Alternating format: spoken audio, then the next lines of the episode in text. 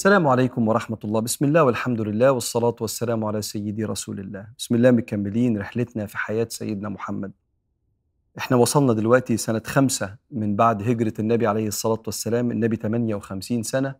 والمرة اللي فاتت وقفنا عند بداية الإشاعة اللي طلعها عبد الله بن أبي بن سلول رأس المنافقين في شرف زوجة سيدنا النبي أم المؤمنين ستنا عائشة.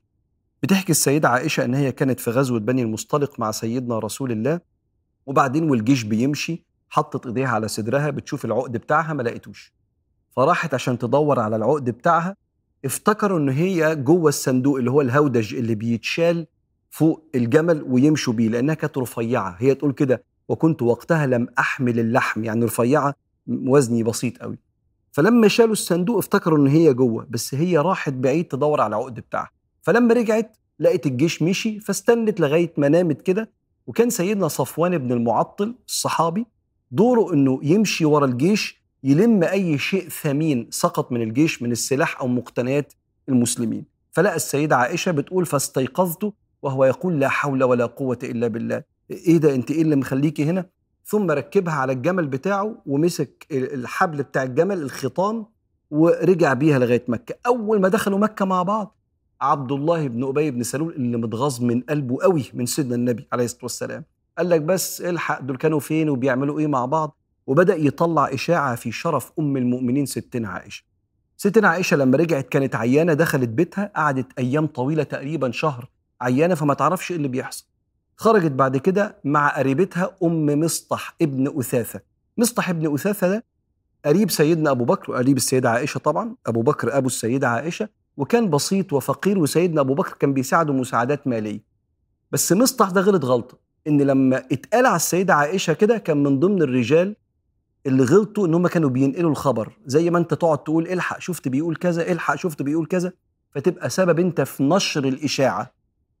فوهم ماشيين السيدة عائشة مع أم مصطح بن أثاثة قريبتها رايحين الحمام الخلاء. ما كانش فيه حمامات في البيوت فالخلاء ده مكان بعيد ورا الجبال. فاتكعبلت ستنا أم مصطح في لبسها. فلما اتكعبلت قالت تعس مصطح زي كده يخيبك يا فلان. فقالت لها أتسبين رجلا شهد بدرا تشتمي مصطح ليه؟ قالت يا هنتاه أنت ما تعرفيش حاجة طيبة ده مصطح قال عليكي كذا وكذا ونشر المشكلة اللي قالها عبد الله بن أبي بن سلول. قالت فازددت مرضا على مرضي ورجعت على بيت أبي. قلت يا أبو قلت له يا أبويا إيه اللي بيحصل؟ بس السيدة عائشة بتقول بس أنا كان في حاجة شاغلة بالي. ما كنتش أعرف اللي بيتقال عليا غير أنه كنت لا أرى اللطف الذي أراه من رسول الله. كان يدخل علي في مرضي يقول كيف تيكم؟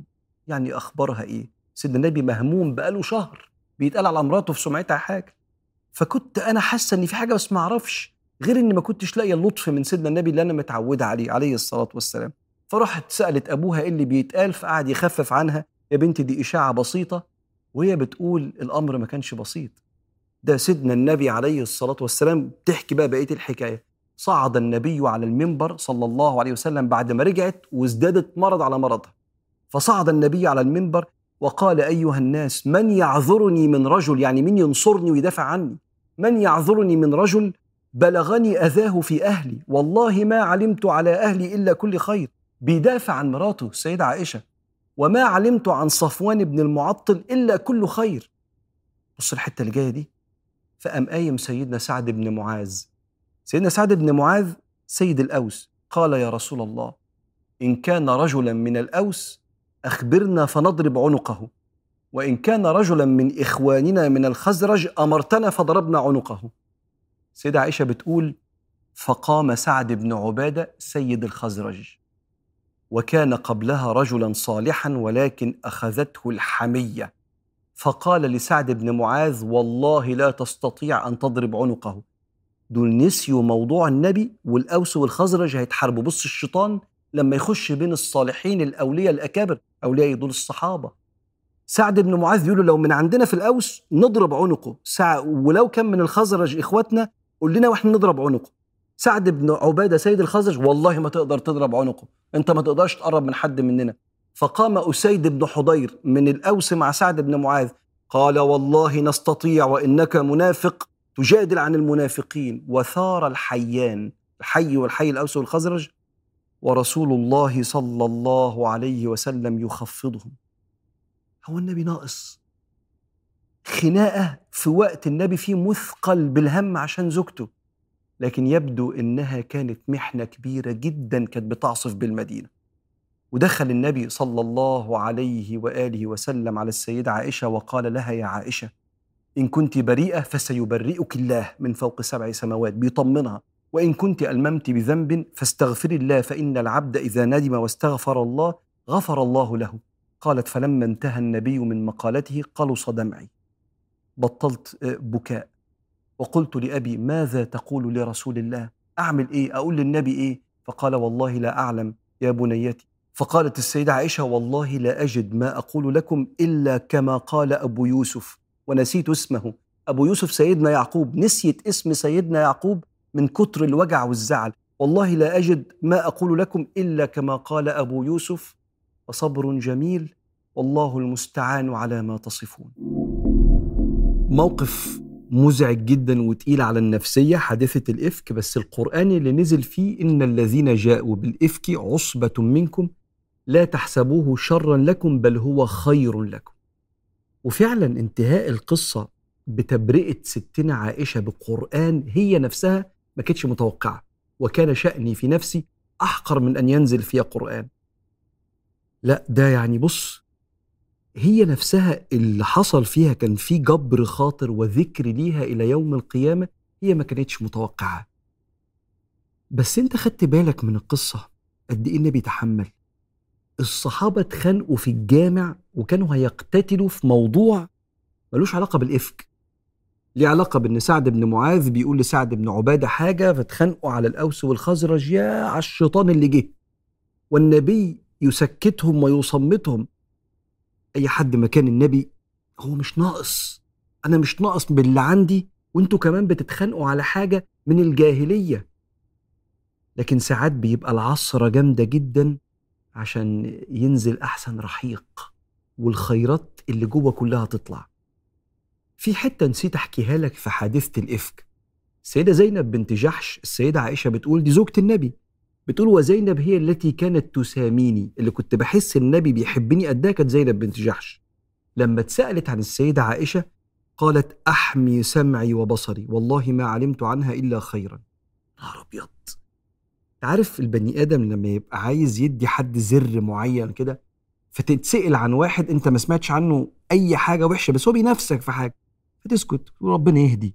أنت ما قلتش حاجة. أنت بس اديت دعاء كده فيه إيحاء إنه وحش فبدعي له بالهداية. أو تعمل عارف الحركة دي؟ يعني الناس بقى والله ممكن تغلط طبعا أكيد محدش معصوم من الغلط. كلام ظاهره التقوى وجواه سم. بيضرب فيه الإنسان في سمعة اللي قدامه بس عشان يحس إنه متدين وقريب لربنا وما عملش حاجة غلط. ما قلتش حاجة ده أنا دعيت له ربنا لا حول ولا قوة إلا بالله. معلش برضه الناس كلها ممكن تغلط. مش حد كبير على الغلط. السيده زينب بنت جحش أم المؤمنين زوجة النبي. قالت أحمي سمعي وبصري. أنا أصلا ما اتدخلش في الكلام ده. كلام بيتقال أصلا ما اسمحلوش يخش ودني. والله ما علمت عنها إلا خيرا. أنوار في وسط الأزمات تنجينا إن الواحد مننا ممكن يذنب ذنب من أكبر الكبائر لما يسمع فضيحة حد فيقول كلمة وما مش واخد باله. كما قال صلى الله عليه وسلم وإن العبد لا يتكلم بالكلمة من سخط الله لا يلقي لها بالا. يكتب الله له بها سخطه إلى يوم القيامة. بن يستر.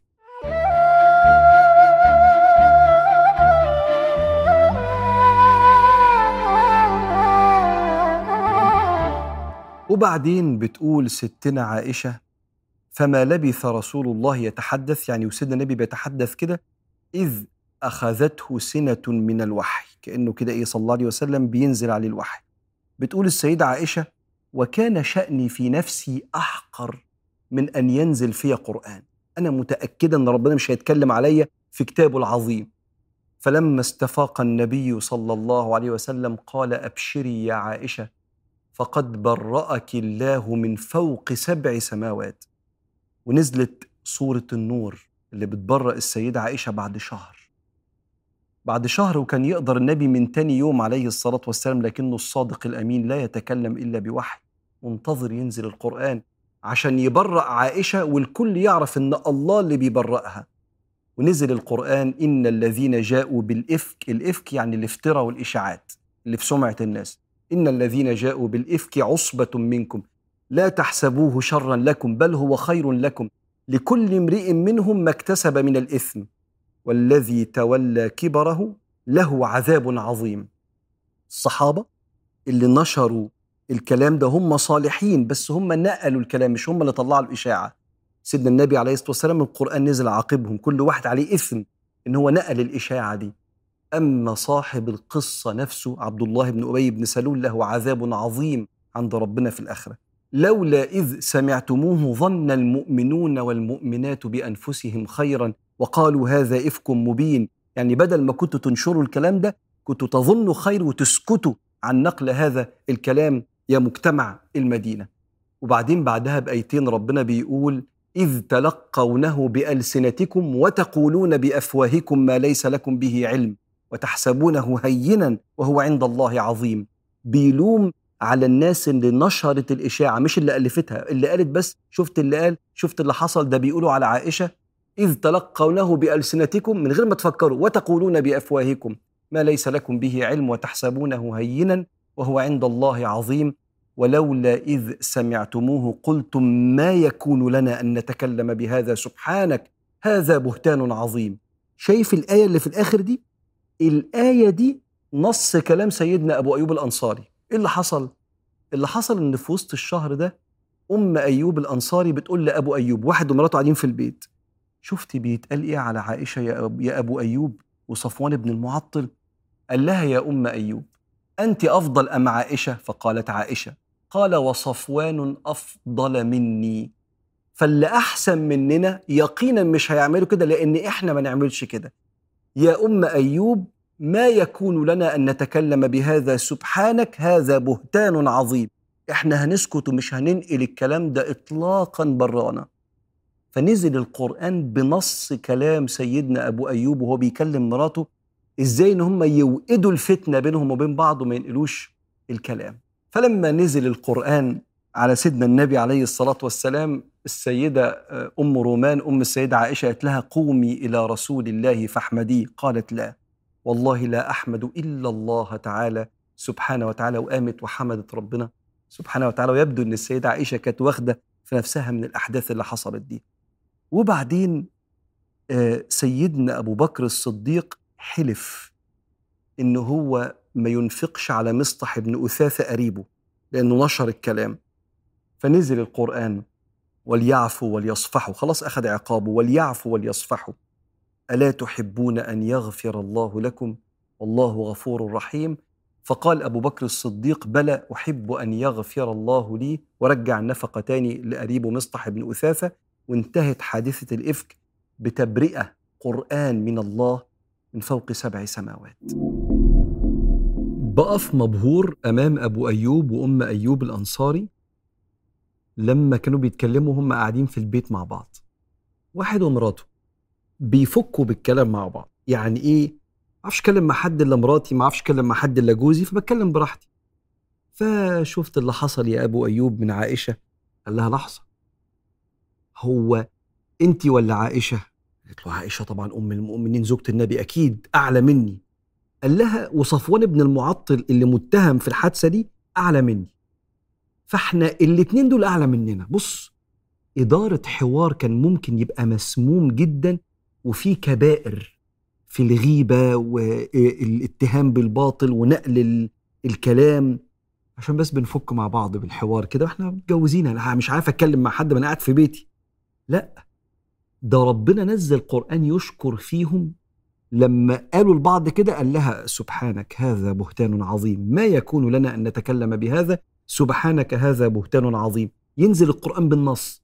لولا إذ سمعتموه قلتم ما يكون لنا أن نتكلم بهذا؟ سبحانك هذا بهتان عظيم. أنا بقول الكلام ده لنفسي ولكل واحد لا أنت كده مش بتفك بالكلام مع مراتك. وانت كده مش بتفضفضي مع جوزك. الفضفضة ما فيهاش غيبة ولا نميمة. ولو عايز اشتكي من حد عمل فيا حاجة آه لمراتي ولا هي تشتكي لي آه ساعتها حد عمل فيا حاجة بنستنصح بعض. فأنا واخد راحتي في الكلام عشان بطلب النصيحة من نص التاني اللي فاهمني. لكن بنتكلم على حد متهم في حاجة فيها شرف لا خد بالنا من كلامنا جدا. لأن الحاجات دي البني آدم ممكن غصب عنه يقول كلام زي يطلع فيه معايرة يطلع فيه آه، تزكية للنفس. مستحيل أنا أعمل زي كده. هي إزاي يجي في بالها إنها تعمل حاجة زي كده؟ وهي تحط نفسها في موقف زي ده ليه؟ وإيه اللي خلاها توافق إنه ياخدها بالجمل ويمشيها؟ كلام بقى بص هنبدأ نغلط. وسبحان الله الواحد بيبقى قاعد في التكييف كده وبيقول كلام ولو اتحط في نفس المشهد هو أصلا المشهد ما فيهوش ولا غلطة. فإيه يعني ناخد بالنا من الحتة دي؟ ونتعلم من أنوار تربية النبي أبو أيوب وأم أيوب الأنصارية.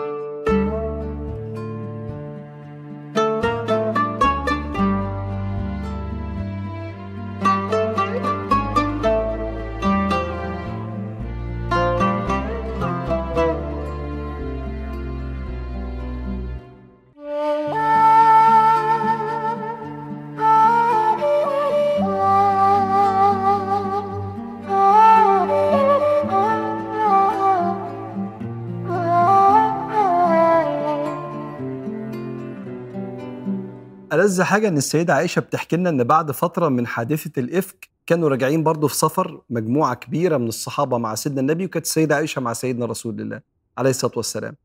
فجم كده قربوا من المدينة فبيستريحوا شوية ومعهمش مية خالص بس خلاص قربنا على المدينة. فالسيدة عائشة بتتلمس العقد بتاعها ما لقيتوش. فقالت له أنا هقعد أدور على العقد بتاعي فقعد معاها النبي عليه الصلاة والسلام. فلما الجيش شاف النبي قاعد قاموا قاعدين كلهم. فجه سيدنا أبو بكر الصديق متغاظ جدا إن السيدة عائشة تاني بتضيع العقد بتاعها وتاني هندور عليه بس كان سيدنا النبي لما وصل سيدنا أبو بكر كان كأنه نايم كده إيه براسه الشريف على رجل السيدة عائشة عقبال ما بعض الناس تدور على العقد. فالسيدة عائشة بتقول فأخذ أبو بكر يطعنني في خاصرتي ويلومها إن هي اللي مقعده الجيش كله. قالت وما يمنعني من الحركة وهو بيزقني كده في خاصرتي أبوها أبو بكر الصديق. وما يمنعني من الحركة إلا رأس رسول الله في حجري وهو نائم. وبعدين بعد ما آه، شوية صغيرين قامت نازلة على سيدنا رسول الله آية التيمم. لأن جه وقت الصلاة والناس معهاش مية تتيمم والصلاة هتفوت عليهم. فلما نزلت آية رخصة التيمم الحكم إن لو مفيش مية نتيمم بالتراب سيدنا أسيد بن حضير ابتسم وقال ليست هذه أول بركاتكم يا آل أبي بكر. كانوا بيخفف عن السيدة عائشة المشهد اللي حصل ده ده يا بركاتكم كتيرة علينا هي آل أبي بكر يقصد السيدة عائشة بنت سيدنا أبو بكر الصديق. المهم السيدة عائشة بتقول فقمنا لقيت العقد تحت الجمل بتاعي اللي إحنا كنا ساندين عليه وقاعد جنبنا. يعني قصة لطيفة كده في سبب نزول آية التيمم اللي في سورة المائدة. تعدي الأيام في آه، سنة خمسة لغاية ما نيجي لشهر شوال نهاية شوال وبداية ذي القعدة. إيه اللي يحصل؟ يبدو أن الحياة حياة النبي عليه الصلاة والسلام كانت زحمة بالأحداث جدا. عشان كده تعرف وزن الصحابة عند ربنا. إن يهود بني النضير اللي النبي أجلاهم من المدينة وراحوا حصون خيبر اللي حاولوا يقتلوا النبي من فترة. راح سادتهم حيي بن أخطب وسلام بن أبي الحقيق لمشركي مكة يؤلبوهم يستفزوهم يستعينوا بهم لغزو المدينة. ضد اليهود آلاف وجيش المشركين آلاف. فالمشركين بيقولوا لليهود أليس دين محمد أقرب إلى دينكم منا؟ أنتوا جايين بتؤلبونا على محمد مش أنتوا بتعبدوا رب محمد برضو ولا قالوا لا بل دينكم وأنتم على الشرك أقرب إلى ديننا من دين محمد. فنزل القرآن. ألم تر إلى الذين أوتوا نصيبا من الكتاب يؤمنون بالجبت والطاغوت ويقولون للذين كفروا هؤلاء أهدى من الذين آمنوا سبيلا. أولئك الذين لعنهم الله ومن يلعن الله فلن تجد له نصيرا. وتتجهز جيوش قريش فرصة لهذه الخيانة من يهود المدينة بني النضير. وقريش ماشيين في الطريق يقترحوا على قبيلة غطفان ودي أحد كبار القبائل اللي في العرب وكانوا مشركين. فتنضم غطفان لجيوش المشركين من مكة مع يهود بني النضير وبقايا من بني قينقاع اللي برضو النبي أجلاهم لما اعتدوا وتحرشوا بالمرأة المسلمة وجت الأحزاب على المدينة. الأحزاب غزوة الأحزاب نهاية شوال سنة خمسة وبداية ذو القعدة سنة خمسة هجرية. ويعرف سيدنا النبي عليه الصلاة والسلام بهذا الاجتماع المعتدي على المدينة. ويقعد مع الصحابة يسألهم نعمل إيه الأعداد كبيرة دول عشر تلاف وإحنا جيشنا تقريبا ألف ألف وخمسمية على أكثر تقدير في روايات السير وكان وقتها سيدنا سلمان الفارسي كان عبد وخلاص اشترى نفسه وتحرر وأصبح مع سيدنا رسول الله ومع المهاجرين والأنصار. سلمان الفارسي زي ما حضراتكم تعرفوا من فارس بلاد فارس كان ليهم استراتيجية معينة في الحرب كده فنقلها للنبي. قال يا رسول الله إنا إذا جاءنا القوم تخندقنا لهم. إيه كلمة الخندق دي جديدة على ثقافة المدينة. هنحفر حفرة كبيرة جدا بعرض مدخل المدينة. تبقى عميقة فما ينفعش حصان ينزل فيها يقال عمقها 3 4 متر وتكون عريضة جدا بحيث ما فيش حصان يعرف ينط من فوقها وقيل أيضا أن كان عرضها 3 أو 4 متر فقال النبي صلى الله عليه وسلم نعم الرأي أشرت يا سلمان فالمهاجرين قالوا بس سلمان يحفر معانا والأنصار قالوا سلمان يحفر معانا. صاحب بقى الفكرة فقال صلى الله عليه وسلم سلمان منا آل البيت. موقف التيمم ده وبرضه نسيان أو سقوط عقد السيدة عائشة للمرة الثانية في مواقف لطيفة كلها نور. الموقف الأولاني سيدة عائشة الأكابر أم المؤمنين. ولما تاني مرة برضه تفقد العقد بتاعها في رسالة كده لحد ممكن يكون بيكرر غلطة معينة أو بيسهى عليه حاجة معينة مكررة؟ معلش واحدة واحدة. هتبدأ تفتكر إن شاء الله واحدة واحدة. يعني ما تتهمش نفسك بكلام سلبي كبير. مفيش حاجة أنت بني آدم. والأصل في الإنسان النسيان. وخلق الإنسان سمي إنسان لأنه ينسى. سيدة عائشة برضو تاني العقد بتاعها فين يا جماعة؟ بس الألطف بقى من الموضوع ده إن سيدنا النبي قعد. مش دوري والحقينا. كأنه بيقول لها عشان تتعلمي من غلطك تاني تاني وف... لا هو إحنا ممكن نبقى نتكلم بعد كده يبقى خدي بالك. لكن في وسط الأزمة مش مش وقت تاني ومش وقت تعليم بالطريقة دي. هقعد. الصحابة طبعا النبي يقعد رجلنا على رجل سيدنا النبي عليه الصلاة والسلام نقعد. كل الجيش يقعد. يدوروا عليه يدوروا يطلع في الآخر العقد تحت الجمل. لكن اللطيف جدا وسيدنا أبو بكر بيزقها في جنبها كده حرام عليك اللي بتعمليه فينا ده. هي بتقول وما يمنعني إن أنا أقوم وهو بيزقني إلا موضع رأس رسول النبي كان نايم عليه الصلاة والسلام كده إيه؟ على رجلها. فاولا اولا بساطة النبي نايم على رجل زوجته الشريفة وهي مش عايزة تتحرك عشان ما يقلقش عشان راحته بالدنيا.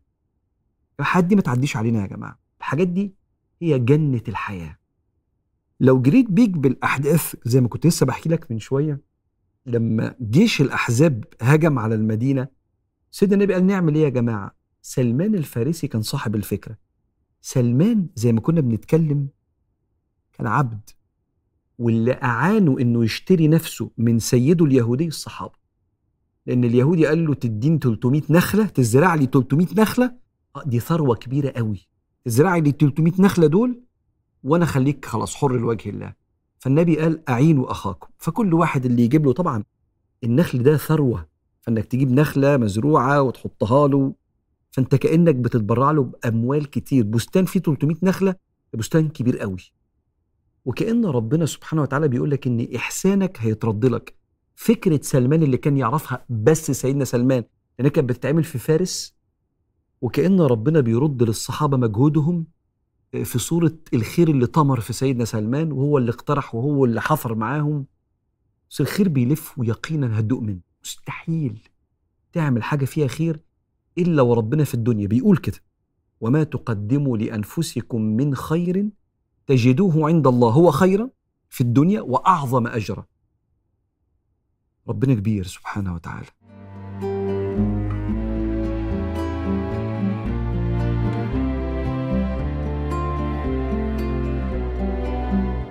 ويبدأ العمل الجاد في حماية الأوطان وحماية الأديان من غزو الأحزاب. جيش المسلمين 1000 1500 واللي جاي 10 أضعافنا تقريبا. فإحنا محتاجين كل راجل معانا. وبدأ الحفر في تربة المدينة الصخرية الصعبة جدا جدا. ولما بيبقى في أزمة بيبان الصادقين من المنافقين العيال يعني اللي هم وقت الايه وقت الجد ما نعرفش نعتمد عليهم. فبدأ المنافقين يتسللوا كده لما الدنيا تضلم شوية ولا إيه ما حدش واخد باله كده وينزل القرآن قد يعلم الله الذين يتسللون منكم لواذا. وأي مؤمن بيحفر طول النهار مع سيدنا النبي عليه الصلاة والسلام ولو عنده أزمة أو حاجة محتاج يرجع البيت ما يمشيش إلا لما يستأذن. وينزل القرآن إنما المؤمنون الذين آمنوا بالله ورسوله وإذا كانوا معه على أمر جامع لم يذهبوا حتى يستأذنوه. إن الذين يستأذنونك أولئك الذين يؤمنون بالله ورسوله. فإذا استأذنوك لبعض شأنهم فأذن لمن شئت واستغفر لهم الله. وكأن ربنا بيشهد لهؤلاء بالانضباط ما يتحركش من مكانه. ما هو جيش. وفي ترتيب وفي نظام إلا لما يستأذن صلى الله عليه وآله وسلم. وبدأ كبار الصحابة وكل الأسماء اللي تعرفها وما تعرفهاش تبص عليهم كده تلاقي جسمهم مطرب من كتر الحفر.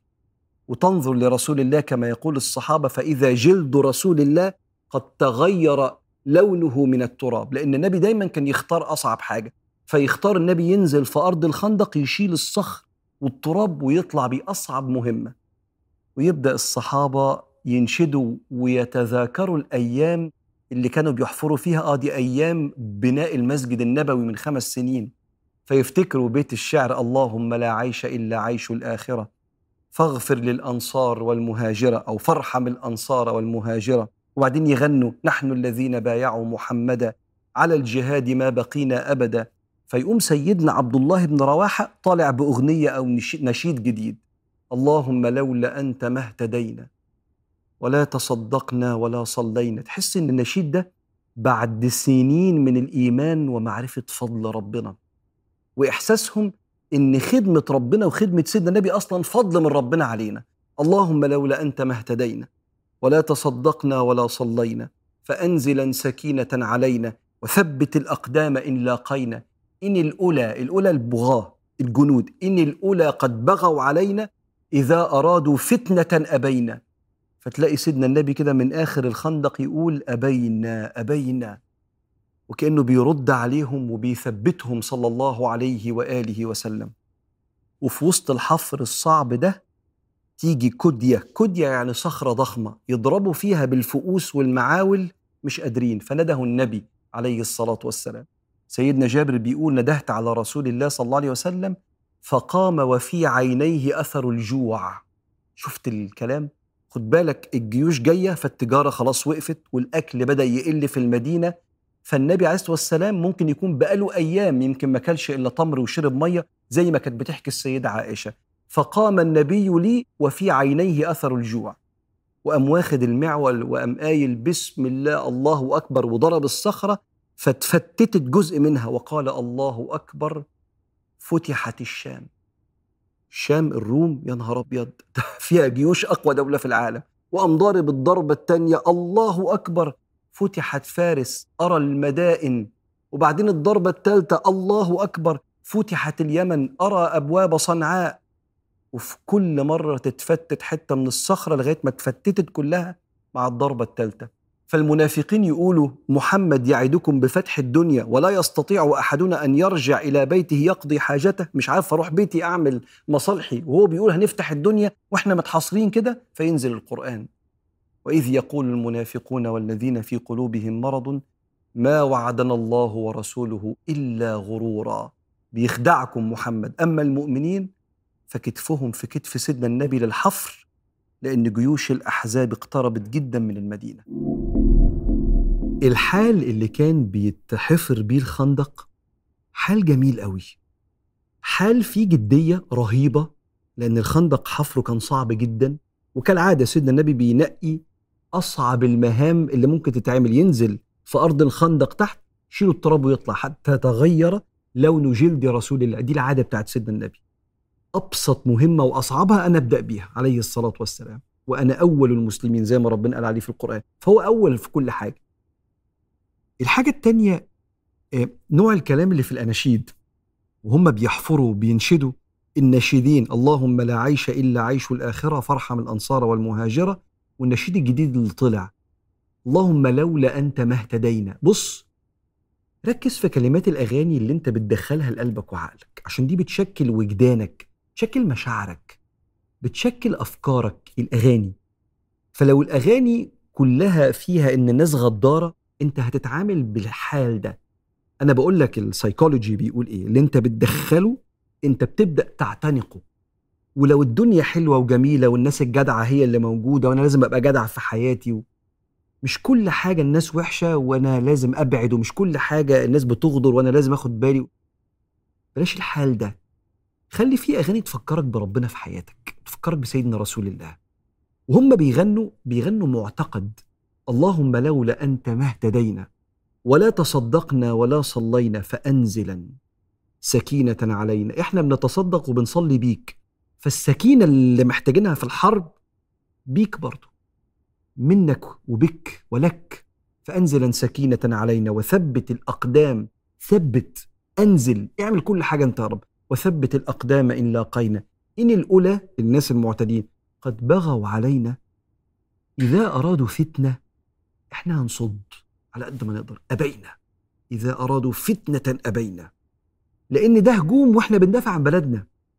فإحنا هنبذل قصارى جهدنا لأن إحنا مش معتدين والنصر والمدد مع اللي نيته طيبة وما يحبش الاعتداء.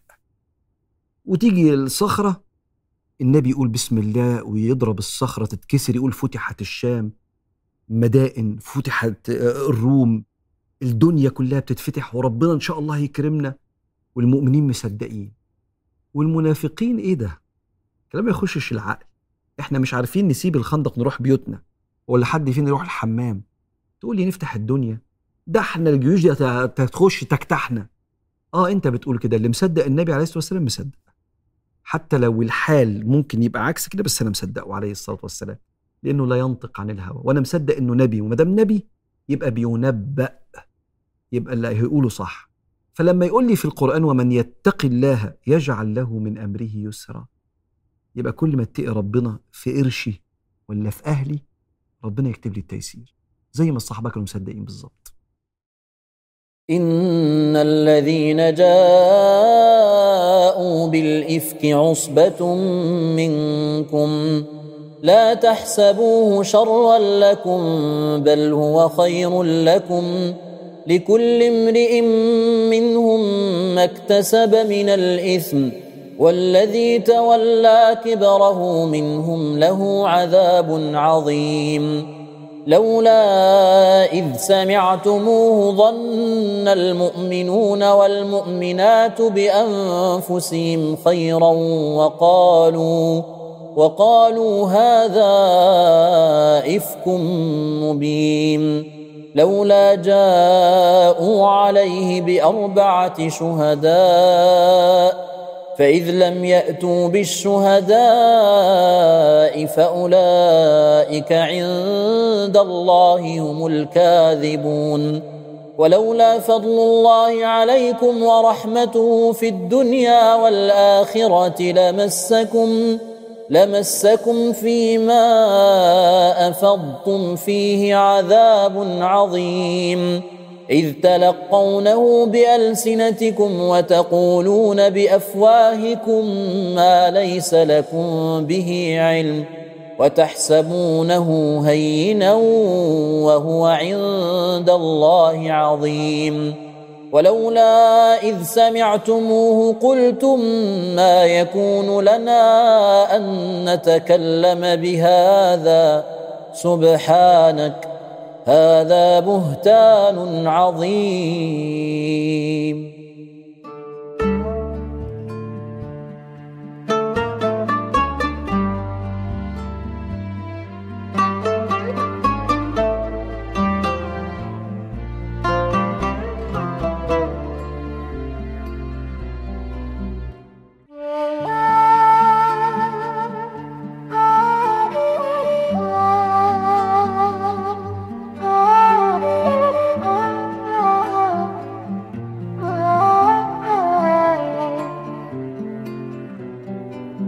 سيدنا رسول الله عليه الصلاة والسلام وضع معيار مختلف للطف ولين وكرم الرجل في بيته.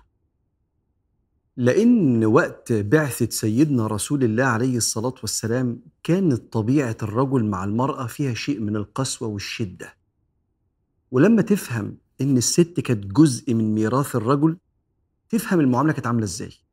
يعني الراجل لما بيموت الست ملكه بيورثها أهل الراجل بعد ما يموت وينزل القرآن يا أيها الذين آمنوا لا يحل لكم أن ترثوا النساء كرها.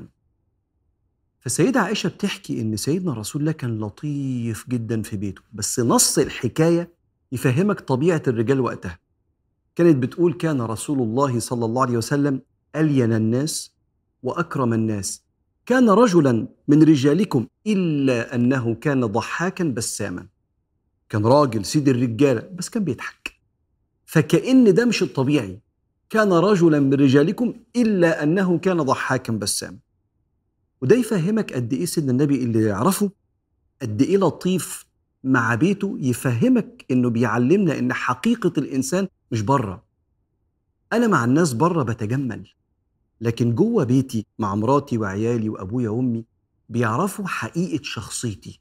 الوشوش بتنزل وبيبان الحق وكتير من الأوقات ما البني آدم بيبقى عنده إحساس إن أنا مطحون بره بيتي عايز أرجع ادي فضلات بواقي نفسيتي. استحملوا ما أنا اللي بجيب الفلوس وبشتغل وبتعب وبحميكم. حاجات كتير بيقولها البني آدم بتخليه في البيت ملان زهقان كسول مش قادر يساعد لأني بتعب بره. النبي ما كانش كده. السيدة عائشة رضي الله عنها لما تتسأل كيف كان رسول الله؟ صلى الله عليه وسلم في بيته قالت كان في مهنة أهله. وفي رواية البخاري كان في خدمة أهله. يخصف نعله لو الجزمة اتقطعت هو اللي يجيب الإبرة والفتلة يلضمها ويخيط. كأنه ما بيشغلش حد حتى مراته بطلباته. كفاية الوظائف اللي عليكي في البيت. كان يخصف نعله ويرقع ثوبه ويخيط لو في قطعة ولا حاجة ويحلب شاته عايز يجي يجيب كوباية لبن هو اللي يقوم صلى الله عليه وسلم وهو من هو. المعزة قد كده فأكيد كان بيقعد على الأرض ويحلب المعزة عشان كوباية اللبن اللي يشربها. وبعدين في لقطات تانية برضو اللي ما يعرفش تاريخ العرب ما يفهمش فين اللطف هنا. السيدة عائشة تقول كان النبي صلى الله عليه وسلم يتكئ في حجري وأنا حائض فيقرأ القرآن. فين اللطف اللي هنا؟ لأن الست عند العرب لما كانت بتحيض كانت بتطرد بره البيت. علشان كانوا بيعتقدوا إن جسمها فيه نجاسة. لدرجة إن السيدة عائشة مرة النبي قال لها عليه الصلاة والسلام اديني الجلابيه بتاعتي الثوب بتاعي. فقالت له أنا حائض. قال لها حيضتك ليست في يدك. لأن هم كانوا ملاصقين لليهود وكان اليهود لما الست بتحيض عندهم بيقعدوها بيحبسوها في خيمة لوحدها ما تاكلش معانا عشان النجاسة. فجه سيدنا النبي بيقول لهم إيه ده؟ إيه اللي بتعملوه ده؟ فكان يتكئ في حجرها وهي حائض يقرأ القرآن. بص بص اللطف والجمال منه صلى الله عليه وسلم. هم عرفوه كده فأحبوه جدا. ولما راح سيدنا النبي عليه الصلاة والسلام في حجة الوداع معاه مئة ألف صحابي. وأنا متصور متصور يعني إن تلات أرباعهم بيسألوه طول ما هو ماشي. ده الحجة الوحيدة اللي أغلب الناس دول حجها والحجة الوحيدة اللي النبي بيحجها. فأكيد قبل ما أعمل أي حاجة مش هسأل واحد صاحبي والنبي موجود لدرجة إن النبي كان أغلب الحجة راكب فوق جمل عشان الناس تشوفه وتسأله. فالسيدة عائشة وهم رايحين حاضت جالها الحيض. فجت وهي متضايقة إن يعني أنا الحجة الوحيدة اللي معاك؟ فقال لا عليك. تفعلين كل ما يفعله الحاج إلا أن تطوفي بالبيت بس الطواف مش هينفع يعني. وبعدين وهم هناك في مكة خلص الحيض. فقام قايل لعبد الرحمن أخوها ابن أبي بكر خذ عائشة للتنعيم علشان تحرم وترجع تطوف بالبيت. سيدنا جابر اللي بيحكي القصة بيقول وكان النبي صلى الله عليه وسلم رجلا لينا مع أهله إذا هويت الشيء تابعها عليه لو نفسها في حاجة معاها. ساعات الواحد لما يبقى عنده زحمة وعنده مهام بيعتبر مراته وعياله جزء منه. فما تتعبونيش وأنا عندي شغل ما تتعبونيش وأنا عندي مهام. المفروض خدموا عليا عشان أعرف أعمل وظيفتي. لا النبي ما كانش كده. النبي مشغول بيها عليه الصلاة والسلام. ولو بيدي الناس جمال بيديها جمال مضاعف. علشان خيركم خيركم لأهله. فلما شافوا ده إذا كان هو كده في بيته أمال بره عامل إزاي؟ صلى الله عليه وسلم. فلما تعرف إزاي كان طيب ولطيف العشرة مع أهله هتحبه جدا.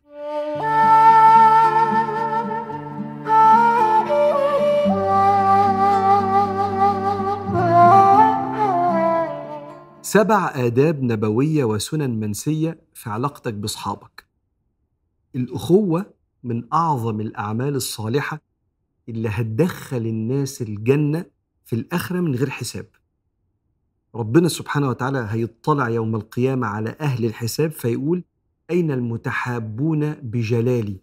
اليوم أظلهم في ظلي يوم لا ظل إلا ظلي. وفي إكرام كبير جدا في الدنيا من الله لك عشان وقفتك جنب صاحبك. لأن ربنا سبحانه وتعالى خلى النبي يقول لنا خير الأصحاب عند الله خيرهم لصاحبه. فعلاقتنا ببعض كأصحاب آه اسمها أصحاب يعني باللغة البسيطة كده بس الأخوة في الله دي إن أنا يبقى في حد بيني وبينه مودة وإحنا البعض كده زي ما النبي قال المؤمن للمؤمن كالبنيان يشد بعضه بعضا دي حاجة كبيرة قوي عند ربنا فأنا أقول لك على سبع آداب نبوية وسنن منسية لما تتعامل مع مع حبايبك وأصحابك بيها تبقى في حتة حلوة قوي عند ربنا وعند سيدنا النبي عليه الصلاة والسلام. الأدب الأولاني هو ستر العيوب. سيدنا النبي بيقول عليه الصلاة والسلام: من رأى من أخيه عورة فسترها كان كمن أحيا موءوده في قبرها. العورة مش عورات الجسد بس، العورة هو كل شيء الإنسان بيحب إن هو يستره ويخفيه. فلما يظهر ليك من طول الصحبة والقرب عيب في بني آدم ما تدوسش عليه. وما نجيش في قعدات ونقول أنت كل مرة بقى تعمل الموضوع ده عارف ال... فيحرج ومش عارف يعمل يبدأ يدافع ويتخنق وما يحسش بالأمان فدي أول حاجة ستر العيوب الأدب الثاني هو الوفاء بالعهود من ضمن الحاجات المفسدة جدا في الأرض إن بني آدم يبقى جدع يتعامل مع بني آدم ندل فيكفر بالجدعنة ويبقى ندل زيه. ما هو الجدعنه مش نافعة في الزمن ده فتقلب بقى أحسن. فيبقى الندل سرق منه جدعنته فبوظنا إحنا الاتنين. فلما تلاقي حد من صحابك أو تلاقي حد من صحباتك عنده كده قد كلمته وعنده وفاء يبقى خليك كده معاه. سيدنا النبي عليه الصلاة والسلام مرة استلف أربعين ألف درهم من أحد الصحابة. وفي وقت سداد الدين النبي رجعهم له. وقال له بارك الله لك في أهلك ومالك. إنما جزاء السلف الحمد والأداء. شكرا يا صاحبي إنك سندتني. أنا برجع لك فلوسك في وقتها وقبل وقتها. عشان أطمنك إن أنا قد كلمتي زي ما أنت كنت قد صحبتنا وأخوتنا وقت ما لجأت لك فسلفتني. الوفاء بالعهود. رقم ثلاثة احترام حياء من عنده حياء. يعني إيه؟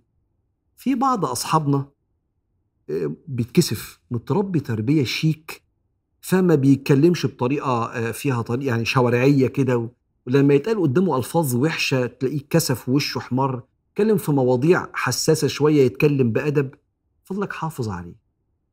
حافظ عليه وبلاش يبقى هو اللي بنحفل عليه وإحنا قاعدين مع بعض. ما تفسدوش. هو تربيته كده نظيفة راقية زي ما النبي يحب. الحياء من الإيمان والحياء كله خير. سيدنا النبي عليه الصلاة والسلام كان قاعد براحته في بيته كده وكان كاشف عن فخذيه يعني زي مشمر الجلابية الثوب كده فكان جزء من فخذه الشريف باين. دخل سيدنا أبو بكر فالنبي اتكلم معاه وبعدين مشي. دخل سيدنا عمر فالنبي اتكلم معاه وبعدين مشي. دخل سيدنا عثمان فاعتدل النبي وستر فخذيه واتكلم مع سيدنا عثمان وهش له وابتسم. فالسيدة عائشة استعجبت. أبو بكر دخل حضرتك ما ضحكتش معاه رديت عليه ومشي. عمر دخل ما ضحكتش معاه ولم تهش له واتكلمت معاه خلص الموضوع ومشي. حضرتك عملت مع عثمان كده ليه؟ قال كيف لا أستحي من رجل تستحي منه الملائكة. لا عثمان عنده طبع معين لو شافني كده هو نفسه يتكسف ويقلق يمشي يحس إنه جه في وقت مش مناسب. فأنا تهيأت لي إكراما لحيائه الأدب والسنة الرابعة مع الأصحاب بشاشة الوش الوجه طلاقة الوجه. إنك يبقى الأصل مبتسم. وبالمناسبة في بيوت وفي شلل التكشير دخل فيها بسبب إن إحنا ما خدناش بالنا من الموضوع ده. ما بقيناش نسلم على بعض بابتسامة ونودع بعض بابتسامة ونسلم كده سلام حار. فبعد شهر اتنين سنة اتنين القعدة ظلمت. عشان كده سيدنا النبي عليه الصلاة والسلام بيقول وانت حافظ أكتر مني عيش بقى بالسنة دي. قال تبسمك في وجه أخيك صدقة. صدقة ليك وليه صدقة ليه لأنك أنت لما بتتبسم في وجهه بتصلح له موده. أنت ما تعرفش هو حاله عامل إزاي النهاردة؟ وصدقة ليك لأنك يوم القيامة يمكن ده اللي يدخلك الجنة لأن النبي عليه الصلاة والسلام قال لا تحقرن من المعروف شيئا. ما تستصغرش حسنة. ولو أن تلقى أخاك بوجه طلق يمكن الابتسامات دي هي اللي تقل ميزان حسناتك يوم القيامة. رقم ستة هو قضاء حوائج الأصحاب. لو ربنا عزك فأحوج ليك حد من أصحابك اجبر بخاطره ومعاه على قد ما تقدر. بوقتك وجهدك ومالك وعلمك لغاية ما يخلص مشكلته. وسيدنا النبي علمنا كده. لأن أمشي مع أخي في حاجته حتى يقضيها أمشي معاه في مصلحته اللي محتاج مساعدة فيها خير لي من أن أعتكف في مسجدي هذا شهرا. ومن مشى مع أخيه في حاجته حتى يثبتها ينجزها ثبت الله قدمه يوم تزل الأقدام. وسيدنا النبي عليه الصلاة والسلام إذا جاءه صاحب حاجة رده بها قال له اتفضل خدها الحاجة دي المصلحة دي يقضيها له. أو بميسور من القول لو مش قادر يساعده يقول له كلمة تشجعه لأنه مش قادر الحاجة دي مش قادر أساعدك فيها ما عنديش القدرة على كده. فيمكن يكون النجاة في الآخرة وفي الدنيا كمان لأن من كان في حاجة أخيه كان الله بإمكانياته وقدراته وغناه كان الله في حاجته. أدب رقم ستة إنك أنت ما تسمحش حد يغتاب صاحبك قدامك.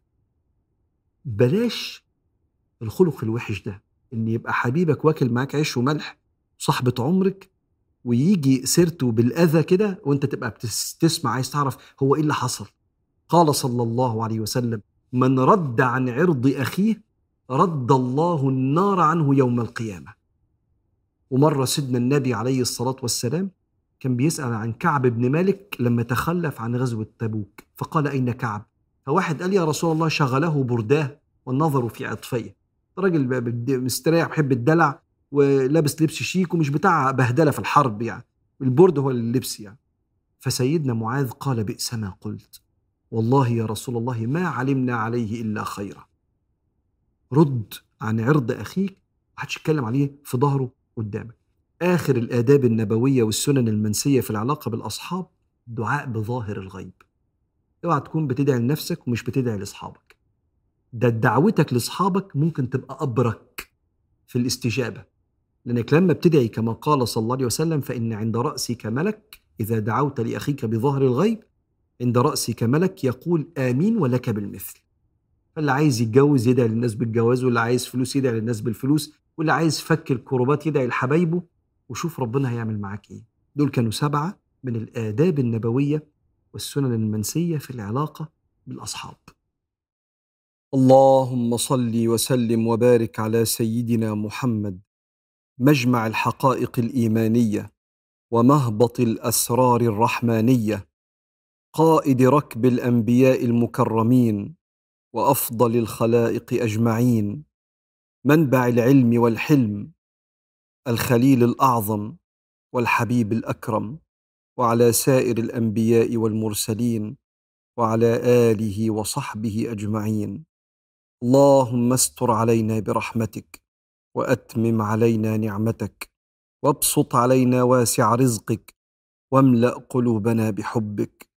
واعف عنا يا كريم وارحمنا يا رحيم.